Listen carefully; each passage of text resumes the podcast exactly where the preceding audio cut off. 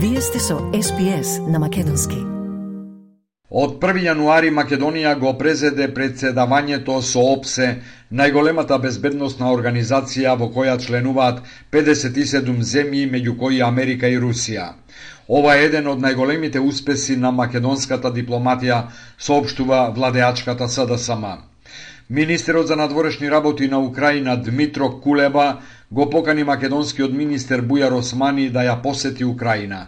Во пораката се вели Со нетрпение очекувам да ви посакам да добре дојде во Украина, како и да работиме заедно на зајакнување на одговорот на ОПСЕ на руската агресија и спроведување на формулата за мир, му напиша Кулеба на Османи.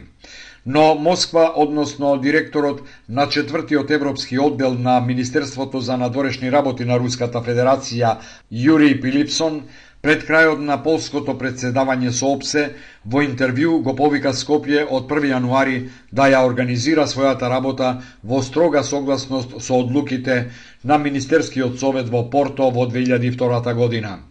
Османи кој ќе председава цела 2023 година со ОПСЕ, веќе се изјасни дека патот и целите на Македонија се недвосмислени. Тој рече дека нема компромис за нарушување на основните слободи и права, дека неодговорната и неиспровоцирана руска воена агресија против Украина ја подкопала европската безбедносна архитектура и се заканува на мирот и на стабилноста на континентот и пошироко. Експертите велат дека председавањето со ОПСЕ ќе биде тешко затоа што во ОПСЕ состојбата е напната, бидејќи двете најголеми членки САД и Русија имаат нарушени односи. Од вчера сите поединци што живеат во странство, кои на некој начин помогнале во промоцијата на Македонија и имаат истакнат професионален успех преку специјална М-карта, ќе можат полесно и побрзо да влегуваат во земјава. Тоа се научници, лекари, бизнисмени и уметници со македонско потекло што живеат во странство, а се истакнале во својата сфера и ја промовирале Македонија во земјата во која работат. Тие годинава преку проектот М-карта ќе можат на брза лента со итна безбедносна проверка да влегуваат на македонските аеродроми. Ваквата можност официјално ја представи министерот за надворешни работи Бујар Османи. Носители на М-карта се наши луѓе од диаспората кои што се интегрирани во државите каде што живеат и работат, а на некој начин овозможиле за овозможување контакти и станувајќи мост помеѓу нашата држава и државите каде што престојуваат, односно станувајќи наши амбасадори во земјите каде што живеат и работат. Ова е еден начин на одолжување на државата кон нив, меѓутоа и овозможување на нивно вклучување во нашиот развој. Планот е на истакнатите македонци од странство кои ќе имаат М-карта да им се овозможат и други символични поволности, како што е слободен влез на културни настани, музеи и галерии. До сега М-карта добиле 69 мина наши државјани од диаспората, соопштува Министерството за надворешни работи, која објаснува дека амбасадите и конзуларните представништва на Македонија се задолжени да ги детектираат истакнатите поединци, но изборот кој ќе биде носител на М-карта се реализира во строго предвидена процедура. Вчера на вториот ден од новата година, двете најголеми спротивставени политички сили во земјава најавија дека ја продолжуваат својата политика и цел. ВМРО ДПМН бара предвремени парламентарни избори во мај, Владеачката СДСМ пак изборите ги најавува за следната 2024 година, најверојатно заедно со председателските. Портпаролката на СДСМ Богданка Кузевска вчера на пресконференција соопшти. 2023 година ќе биде година на економски пресврт, во која платите и пензиите ќе продолжат да растат. Веќе во март месец следува покачување на пензиите помеѓу 6 и 7 за сите 330.000 пензионери. Создадени се услови за ново зголемување на минималната плата за 10 со што таа ќе изнесува безмалку 20.000 денари. Додека власта најавува зголемување на платите и пензиите, ВМРО ДПМН тврди дека политичката ситуација во земјата станува неподнослива. Македонија се соочува со највисока инфлација во регионот и една од највисоките во Европа. Во светот сме меѓу првите земји по раст на цените на храната. Тоа значи дека нашите граѓани најбрзо и најмногу осиромашуваат во споредба со другите.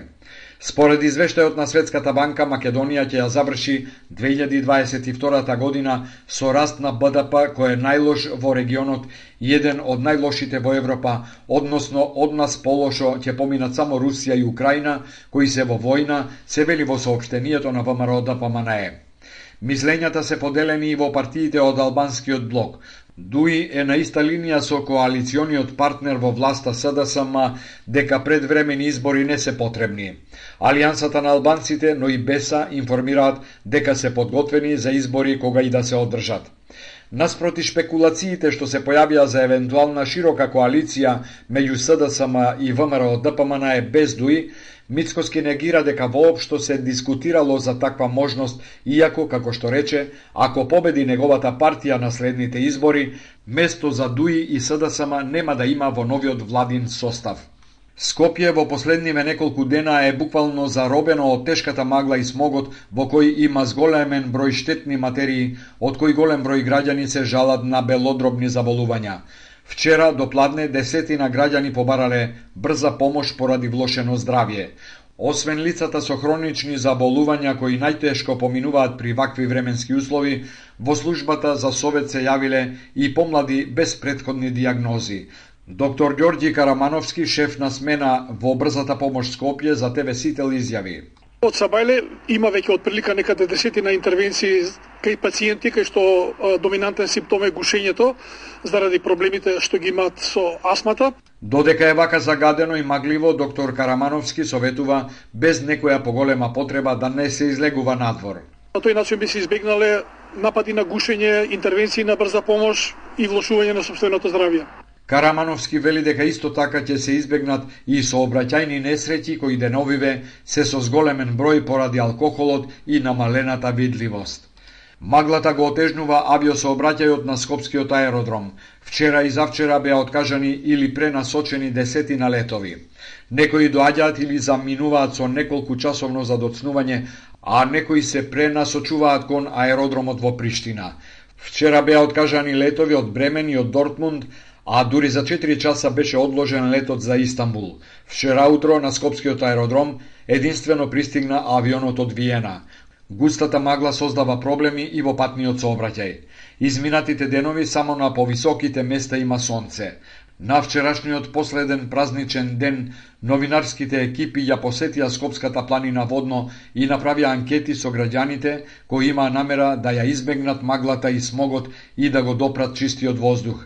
Пренесуваме дел од анкетата што ја направи ТВ Сител. Беше многу загадено доле во Скопје и се качевме маца на воздух со децата да прошетаме маца на чист воздух. Немаме толку сила да го резуцарата не работи, иначе планиравме.